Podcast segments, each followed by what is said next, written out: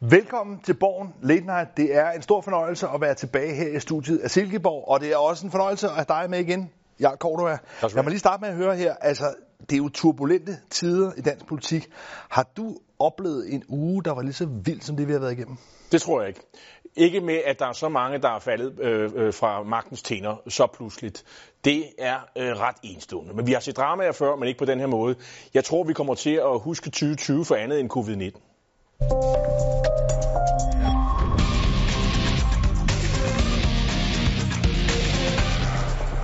I første omgang har MeToo-bølgen ramt partierne, hvor der i de seneste uger har været både intriger og rænkespil og altså magtdramaer i toppen af først Radikal Venstre og Socialdemokratiet. Men det store spørgsmål er jo, i hvilken udstrækning det her også er noget, vælgerne kommer til at reagere på. Og jeg, vi har valgt at gøre det her, fordi det jo ligesom er mange ting, der er i spil her, at vi i virkeligheden prøver at dykke ned i nogle af de store partier, nogle af de partier, som er blevet ramt af det her. Og jeg synes, det er mest oplagt, at vi begynder med Socialdemokratiet. Og jeg synes, altså, vi ved jo godt, hvad vi taler om her, det er Frank Jensen. Så lad os lige prøve at høre, hvad det var, Frank Jensen selv sagde, da han lidt ydmyget blev nødt til at trække sig tilbage her forleden dag. Selvom jeg øh, igennem de seneste øh, uger, på baggrund af de konkrete sager, der har været ret mod mig, og har bestræbt mig på at se, om jeg kunne komme på den anden side og blive en del af løsningen frem for at være en del af problemet, så må jeg sige, at det, det ser ikke ud til at være muligt øh, på den korte bane. Så derfor har jeg besluttet mig for at træde tilbage som overborgmester. Det er spektakulært, og man må sige, at han er også kommet i New York Times øh, nu øh, med den her. Så det er med, at en, en, en Københavns overborgmester fra Wonderful Copenhagen, øh, han trænger i hvert fald overskrifter i sådan en stor international avis. Øh, København er kommet på landkortet, måske ikke for noget godt, men, øh, men Lars, øh, han er jo en stor mand i Socialdemokratiet, eller han var en stor social, mand i Socialdemokratiet, og nu øh, er han jo ikke længere næstformand. Øh, og, og tænk sig, hvordan, hvordan kan det være kommet så vidt? Jamen altså, jeg tror, man skal se det lidt som, at øh, Frank Jensen, der jo altså faktisk er 59 år, altså han ser, tror jeg, for nogle yngre ud, men tilhører en generation, som måske har levet lidt i en tidslomme. Forstået på den måde, at nogle af de kulturer, nogle af de normer, som han også selv altså henviser til som en eller anden form for undskyldning, som han er vokset op med, blandt måske nogen, der lige var 10, 15, 20 år ældre end ham, de altså sådan øh, lidt gammeldags macho-idealer, er nogen, han ligesom har øh, levet efter. Man, og der, man, man kunne ja, sige, det var det, som Weekendavisen øh, beskrev som, at han, han var den sidste af dem, der var ja. på den gamle ordning ja, i dansk og, politik. Og, og det er det, jeg lidt mener med, at han ligesom har levet i en tidslomme, som der lige pludselig bliver prikket hul til, fordi der kommer en ny generation, som altså ikke bare er lidt yngre, men som kunne være øh, Frank Jensens, altså næsten øh, børnebørn, eller i hvert fald kan man sige, altså øh, børn, som altså helt fundamentalt har en anden attitude til omgang i et parti, hvor det jo i offentligheden handler meget, kan man sige, om, om det seksuelle osv., men, men for mange af de unge kvinder, der handler det i høj grad om øh, magtmisbruget, den ydmygelse, der ligger i det. Og der man altså konstaterer, at Frank Jensen har ligesom i den her tidslom rullet videre, og lige pludselig, ja, der har det altså været alt for meget. Men han skulle trækkes til troet, fordi øh, søndag aften, der havde han, havde han jo fået opbakning fra sit parti, i hvert fald lokalt, og så øh, mandag øh, formiddag, der så det lidt anderledes ud, og, og det har jo også nok noget at gøre med, at øh, det, der foregik i, i København for Socialdemokratiet, ja, det spiller jo altså over på øh, hvordan det er i Socialdemokratiet på landsplan, og det er jo selvfølgelig statsminister Mette Frederiksen, som de fleste jo nok mistænker for at have en finger med i spillet, at han kom til at træffe den beslutning. Men, men vi lige prøver at kigge på, hvordan øh, styrkeforholdet er. For der er kommet en øh, ny meningsmåling, og altså, lad mig bare understrege, at man skal altid være lidt varsom med sådan enkeltstående målinger. Man skal tage vægtet gennemsnit og over tid osv. Ikke desto mindre ser det ud til, at der i hvert fald er et varsel om et jordskæld. Lad os se her, Socialdemokratiet er jo stadigvæk foran, hvad de fik ved sidste valg. Men hvis man tager, det er den nyeste måling fra, fra Megafon, så har, har vi også taget det vægtede gennemsnit med, i øvrigt fra Berlingske Barometer, som netop er et forsøg på ligesom at få et sådan lidt mere uh, præcist tal, hvor man vejer flere forskellige målinger sammen. Og så kan vi også se valget. Så de er jo Socialdemokratiet gået frem i forhold til valget, men i forhold til det toppunkt, Mette Frederiksen havde i foråret. Ja, der er de jo smidt en 7-8 procent. Øh, de havde lov omkring 5-36 procent. Og hvad er din forklaring på det? Hvor, hvor, hvorfor ser vi, at Socialdemokratiet nu begynder at sive? Ja, jeg tror, det har noget at gøre med, at øh, sige, den effekt, der var der i, i, i foråret, hvor man var meget meget imponeret, den er simpelthen ved at klinge af øh, nu. Altså, det var en måling, der viste befolkningsopbakning til den måde, hun håndterede corona. Nu er det blevet at blive hverdag i, i dansk politik. Det er måske ikke alle, der er lige imponeret af den måde, hun håndterer coronakrisen øh, på, som jo er meget skal man sige, øh, præsent igen. Øhm, og så, øh, ja, jeg ved, man ved jo ikke om, om de her sager, øh, om det har noget at spille ind, fordi det er jo relativt nyt, og det er jo sikkert, at det kom, kunne komme med i mål. Men, men spørgsmålet er, og det er ligesom det, der er, er tråden igennem i dag, det er, om der ligesom begynder at tegne sig en MeToo-effekt.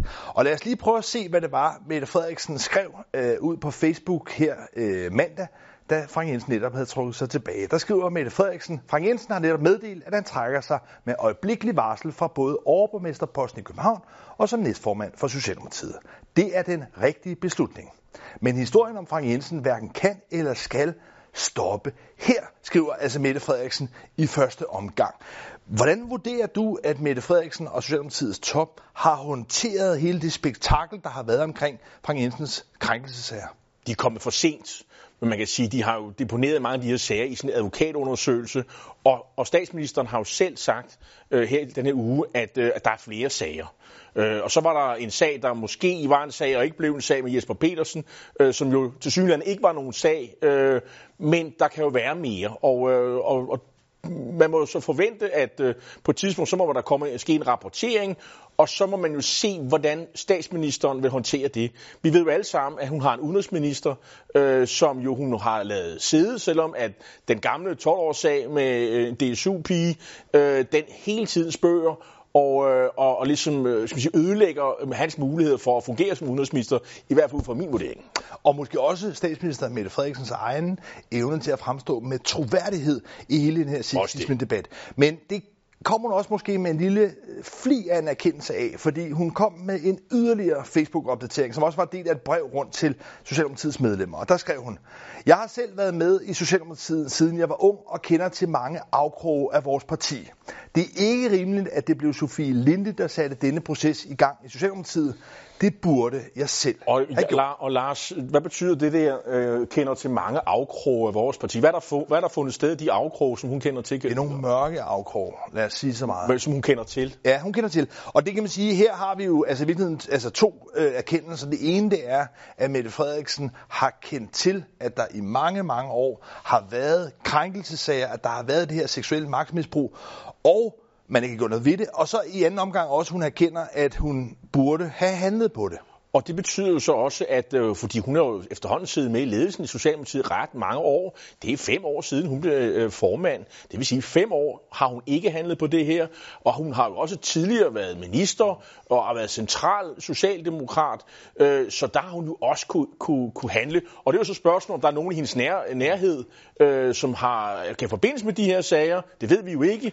Øh, har hun handlet på dem? Det har hun til sygeligheden ikke. Det bliver Jeg synes, som det står lige nu, at Mette Frederiksen måske virkeligheden er den yngste af de gamle. Hun har i hvert fald accepteret, at der har været den her kultur med seksuel magtmisbrug. Men jeg skal lige love for, at der er en ny generation, der presser sig på. Og, og lad os lige bare fremhæve et, et enkelt øh, tweet fra DSU-formanden i København, Cecilie Sværke Pris, der skrev, da Frank Jensen umiddelbart efter han var trådt tilbage, i dag har vi bevist, at det har konsekvenser, og også for en overmester ikke at være sin magt og dermed sit ansvar bevidst. Altså et lidt triumferende tweet her fra DSU-formanden i, i København, som altså absolut ikke ligesom har lavet sig øh, bøje af eller føje, eller øh, kan man sige, den intimidering, der helt øh, åbenlyst også har været i forhold til hende. Hvad er det, vi ser her? Ja, det er jo, at øh, der er en ny generation, som siger, at vi vil ikke finde os i øh, de gamle spilleregler. Altså, det vil sige, at hvis der er andre, der har tænkt sig at ligesom gå Frank Jensen i bedene og fortsætte med den politik, øh, eller den façon, øh, som han er i hvert fald blevet anklaget for, øh, så skal de regne med, at de får modstand øh, herfra. Men... Og det, det tror jeg måske også kommer til at spille ind, når man nu skal opstille folketingskandidater, øh, spidskandidater til kommunalvalg. Jamen så vil man jo nok øh, måske, øh, det vil spille ind i, i hele den der sådan, øh, screeningsproces, øh, kunne jeg forestille mig. Men ja, hvis man ligesom siger, at der måske er i hvert fald to generationer. Vi har Frank Jensen, der helt tydeligt hører til den gamle generation. Så har vi Cecilie øh, Sværke Pris, der hører til den unge generation. Hvor vil du placere Mette Frederiksen? Ja, det er nemlig det, der er det helt gode spørgsmål. Jeg tror dog, hun har luret, hvor er fremtiden henne? Mm. Jeg tror, hun, har, hun går med de unge. Øh, fordi at øh, de gamle, de er på vej ud. Øh, som sagt, Frank Jensen, han er den sidste af dem, der var på, på den gamle ordning.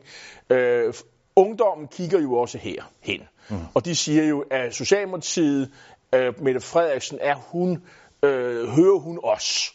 Hører hun det, vi siger? Og hvis hun, ikke, og hvis hun ikke gør det, så tror jeg, de går andre steder hen. Ja. Men øh, jeg synes, man må sige, ud fra det, vi kan læse os frem til her, at signalet er sendt, hun lytter.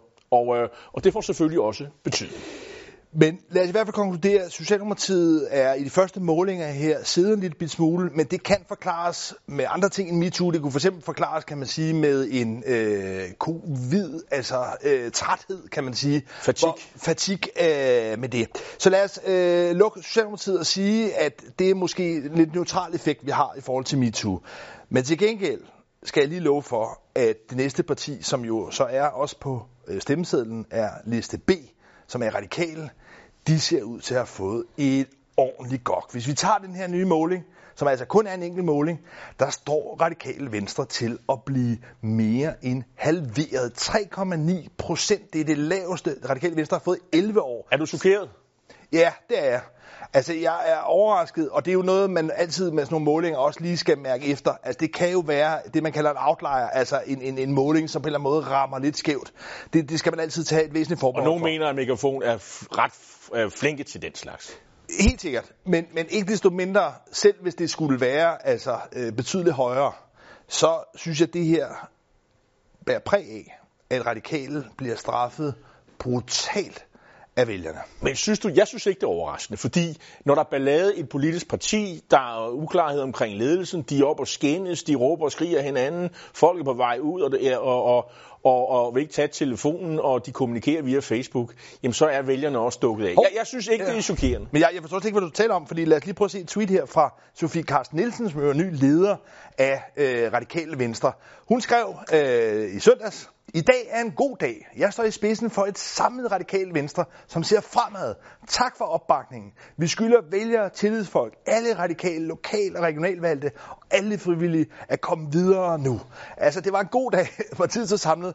Det var, hvad hun selv sagde. Mm. Og, og hun faktisk fortsatte strømmen. Der går nærmest ikke en dag, uden at hun kommer ud med hjerter og, og, og sådan nogle, du ved, de der hjerter, de lavede sådan noget. Ikke? Altså, hun er godt klar over, at hun er i gang med noget turnaround her. Hun skal gen, genvinde vælgernes mm. og sine folkevalgtes tillid. De er jo i granatschok. De er chokeret over, at de har mistet deres leder øh, igennem de sidste, øh, hvor lang tid nåede han har en seks år. Øh, sådan pludselig øh, som, en, som en lyn fra en klar himmel. Men... Og nu står hun der, plus at hun jo ikke ligefrem får topkarakter for at have håndteret de her sager. Hun har været medvider, øh, i hvert fald med nogle sager, og, og, og, og altså, hendes troværdighed hænger, hænger i laser.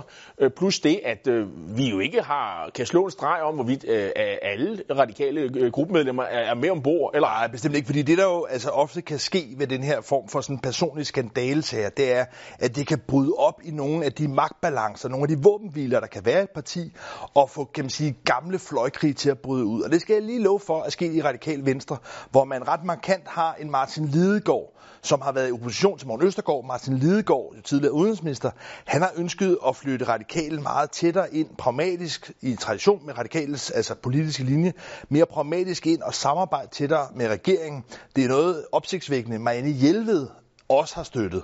Og det er klart, de har forsøgt at udnytte hele det her opbrud med Morten Østergaards krænkelsesager til at vinde magten. Men de tabte jo en afstemning, men de fortsætter. Altså, er der, er der ro på, i, i radikale? Det kan vi jo se, der ikke er. Altså ja. allerede i dag, der kan vi jo se, at uh, Marianne Hjelved er ude at kritisere den der uh, linje, ja. uh, som de jo har kørt, som er jo en, en, en ret hård konfrontationskurs med Mette Frederiksen og, og Socialdemokratisk mindretalsregering ved at sige, hvis ikke vi får indrømmelser, jamen så tror vi med et valg. Og det, lige præcis det hun jo ude og undsige i dag i en interview. Så det vil sige, hun har været konsulent, hvad jeg er siden søndags, eller hvornår det var, de lavede den der besønderlige magtdeling.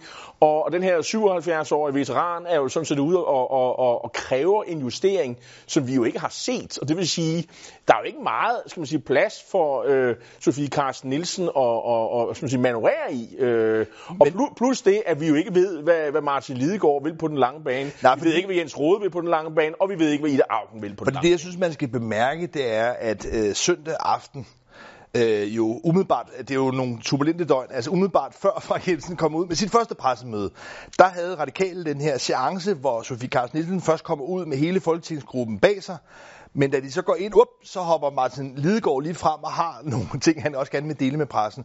Og en af de meget opsigtsvækkende og bemærkelsesværdige ting, han siger der, det er jo, at han gerne vil give Radikale Venstre en chance til. Mm. Underforstået, at hvis øh, Sofie Carsten Nielsen ikke retter ind, ligger en anden kurs, ja, så vil han gøre noget andet. Og det der jo er på en eller anden måde, synes jeg er et dramatisk spørgsmål, det er, om vi står over for, at radikale endnu en gang vil knopskyde afskale. Altså vi så det jo i sin tid med Anders Samuelsen, der dannede en ny alliance, som senere blev Liberal Alliance. Vi så øh, Simon Emil Amitsbøl Bille, dengang hed han kun Amitsbøl, men han hoppede først ud i borgerligt centrum, og så videre over i Liberal Alliance. Så så vi også Uffe Elbæk gøre det samme med alternativ. Så næsten ved de, alle de foregående valg har der været sådan en afskalning fra radikale. Altså, tror du, det kan holde sammen? Tror du, vi ser før næste valg, at der ud af radikale endnu en gang vil være sådan en knopskydning? Man kan aldrig udelukke noget dansk politik. Det er derfor, det er så sjovt at følge med i og, og, og kommentere, ligesom du og jeg gør her.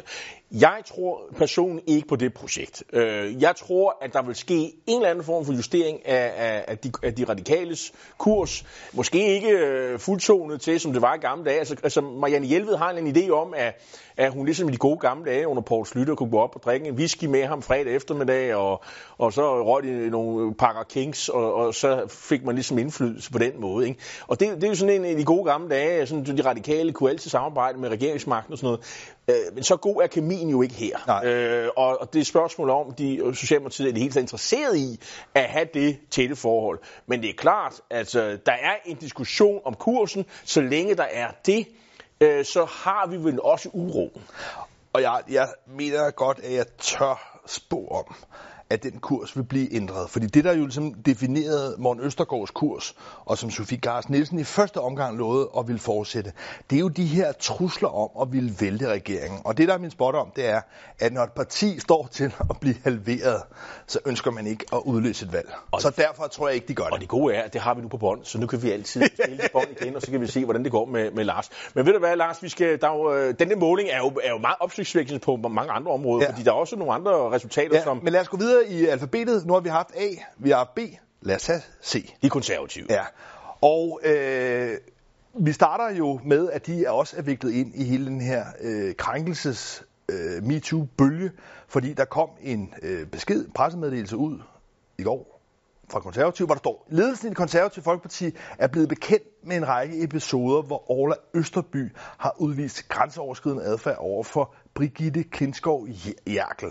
Derfor er ledelsen kommet frem til, at Orla får frataget sin ordfører skaber. Ja, og så har vi faktisk ikke rigtig hørt mere til det, fordi ingen stiller op til interview, så nu er den sag ligesom parkeret og lukket, og har allerede høstet ros øh, blandt i hvert fald nogle øh, kommentatorer med rette, synes jeg, fordi nu er der ligesom ikke mere her. Og Orla Østerby, ja. det var ham, der bliver trukket ind af, af, af Pape over i, i, i Vestjyske, øh, Vestjyllands store kreds, og, og måske sådan en, en lidt, øh, han er ikke den allerstørste figur her. Men man kan her har der været en konsekvens, øh, og så den sag jo sådan set lukket ned. Ja, altså det der i hvert fald synes jeg er interessant, det er, jeg tror, hvis vi tager forløbet her med Frank Jensen og Morten Østergaard, at altså, stort set alle voksne danskere, der ligesom, altså, følger med i nyhederne, har ligesom skulle forholde sig til det. Og Østerby. Hvem er nu det er? Ja, hvem, hvad er ja. ordførerskab, han har? Øh, det er der ikke så mange, der... Jeg ved det godt, faktisk. Fordi... Ja, men han er allerede forsvundet igen, så man kan sige. Så, så, så tror du, det vil virke, det her med, at øh, nu er sagerne jo forskellige, det skal vi huske. Men det er dog et øh, siddende folketingsmedlem, altså øh, Brigitte Måske er forskellen men, men tror det vil virke, altså vil de konservative slippe uden om det her? Måske er forskellen også, at hvis det nu havde været sådan et navn, som de fleste måske havde kendt, så kan det godt være, at den her sag øh, måske ikke var gået så øh, nænsomt øh, for de konservative. Altså, og jeg vil nævne en anden ting, Ja. det er, at øh, Brigitte Jerkel har jo accepteret en undskyldning. Ja, ja. Så hun står jo ikke som en anklagende Nej. part. Og det er jo den store forskel. Altså det vi så i Radikale, det vi så i Socialdemokratiet, det er, at der var en yngre generation af kvinder, som ikke ville acceptere en undskyldning. Og man kan sige, hun er med al respekt for øh, øh, øh, fru Jerkel her, men hun, er, hun, hun hører jo ikke til de øh, yngste kvinder i, i, i politik. Det vil sige, der er ikke det her sådan, øh, magtforhold, øh, som man måske også har været en dimension. Og det er jo det samme med Ole. Østerborg. Meget kan man sige om hans vindeoverskaber, men det er jo ikke, fordi han har siddet i en sådan afgørende magtposition i dansk politik. Men interessant er jo, det er jo så første gang, det er en borgerlig, der ja. er gået i, undskyld udtrykket, i fælden. Men lad os lige prøve at se, hvordan det egentlig går for konservative, fordi det må man jo sige går godt. Det er jo den modsatte udvikling af øh, radikale. Et valgresultat 6,6. Ganske vist i de vægtede gennemsnit, der har de også stået til en fremgang, men nu ser det ud her i sensommeren som om, at de tager et yderligere spring. Og her er den sag, vi lige talte om, den er så ny, så den har ikke noget at kunne Nej. vælgerne at tage ind i deres øh, bedømmelse. Men hvis vi lægger til grund, at det måske heller ikke er en sag, der kommer til at påvirke øh, vælgernes... Det går godt for Søren Pape, og det går godt, fordi de holder en, en nogenlunde stabil kurs. Måske vil nogen sige, det er et fravalg af Venstre, som, hvor det går knap så godt. Men altså, kan vi godt tillade os at konkludere, at der i hvert fald forløbig ikke ser ud til at være nogen sådan MeToo-effekt på konservativ, så deres fremgang i højere grad skyldes altså andre partiers svaghed og Søren Papes styrke. Og, og en, klar strategi for, hvad de konservative øh, er. De er gode til at kommunikere. De melder rimelig klart ud på mange områder. Men så lad os uh, hoppe lidt i alfabetet. Nu fortsætter vi ikke. Uh, vi skal til, til V og til Venstre. Og umiddelbart, når man ser uh, den måling, som Venstre har fået senest på 17,3, så er det jo et kæmpe dyk i forhold til valgresultatet dengang, hvor det jo var Lars Løkke Rasmussen, der stod i spidsen for Venstre, og øh, ja, altså fik ført Danmarks Liberale Parti frem til en ret imponerende øh, valgtriumf. Men nu er de faldet altså øh, 6 procentpoint. Altså umiddelbart vil mange mennesker sidde og tænke, hvis man falder så meget, så vil det være en katastrofemåling. Men Jakob Ellemann, han må jo sidde næsten nu, jeg ved ikke om han stadig ligger i sygesengen. Han Det været- gør han ikke. Han har jo øh, allerede sendt billeder øh, om, at han kommer gående på Christiansborg, og han er også begyndt at sige noget politisk. Det har han jo ikke gjort i meget, Nej. meget lang tid. Og det, og det, og det vil nogen også Men- sige. men han det er er jo- vist også på tide, fordi øh, alarmklokkerne og, og lamperne står og blinker. Men, der skal det, ske noget her. Men, men, men ja, det mærkelige besønderne er jo, at selvom det jo altså på papiret kan siges at være en katastrofemåling, mm. så er det jo noget, Jakob Ellemann må juble over. Ja, fordi at øh, målingen viser jo også, at der er næsten dødt løb mellem rød og blå blok, og det er godt nok meget lang tid siden, vi har set det. Det skal vi over i den forrige valgperiode for at have set. Vi skal så også være øh, klar over, at øh, det er en måling, der Jo, jo. viser det. Men, Men jeg- men det er nok en måling, der giver et boost i Venstre, fordi lige pludselig er det ikke helt skørt at forestille sig, at Jakob Ellemann øh, kunne blive statsminister i landet. Og det mm, hvis det ikke så længe, så længe han har været formand for Venstre, ja. er der ikke nogen, der har kunne se det i målingen vise sig på nogen måde. Men, men kan man øh, skal det så holde op og sige, at så længe Venstre, et er det største borgerlige parti, og to, at det står til at kunne blive et øh, regeringsskifte, så er det godt for Jakob Ellemann. Altså selv hvis Venstre skulle falde yderligere ned, så så længe at den samlede blok ser ud til at kunne få et flertal, og Venstre trods alt stadig er størst, Jamen, det er jo- så er det godt nyt. Jamen, øh, Lars, kan du ikke huske i 2015, der fik øh, øh, Lars Lykke jo et katastrofvalg, og hvad, ske, hvad endte det med? Han blev statsminister. Ja, og lad mig så øh, tilføje, at hvad var det, der skete i 2019? Socialdemokratiet fik faktisk ikke noget specielt godt valg, og Mette Frederiksen blev øh, statsminister. Så det kan godt ske. Men det vi i hvert fald kan konstatere nu, det er, at det man kan glæde sig over i venstrelejren, det er, at selvom det ikke går godt for partiet selv, så er der en dynamik, der gør, at øh, hele den rødgrønne blok i hvert fald har sine MeToo-problemer, men måske også, at der er partier i den borgerlige blok, som har fundet nogle nye værdipolitiske mærkesager. Så lad os prøve at hoppe videre til nye borgerlige og se, fordi det er jo en helt vildt opsigtsvækkende udvikling. Nye borgerlige står til at få 10% af stemmerne. Altså det er en mere end en firdobling siden valget, og en fordobling altså i forhold til de målinger, vi har tid- se- set tidligere. Og det er jo også fordi, de er gode til at kommunikere, og man kan sige, hvis andre målinger bekræfter det her billede, så tyder det på, at Nye Borgerlige er ved at vinde kampen om skal man sige, den yderste højrefløj, fordi vi har også en måling for Dansk Folkeparti, der jo viser noget, øh, at det går faktisk, de er under 6 procent. Men hvis vi lige, hvis vi lige venter med, med, med den folkeparti, så vil jeg nu altså egentlig opholde mig ved, at den fremgang, som Nye Borgerlige har, skyldes en kombination af flere ting.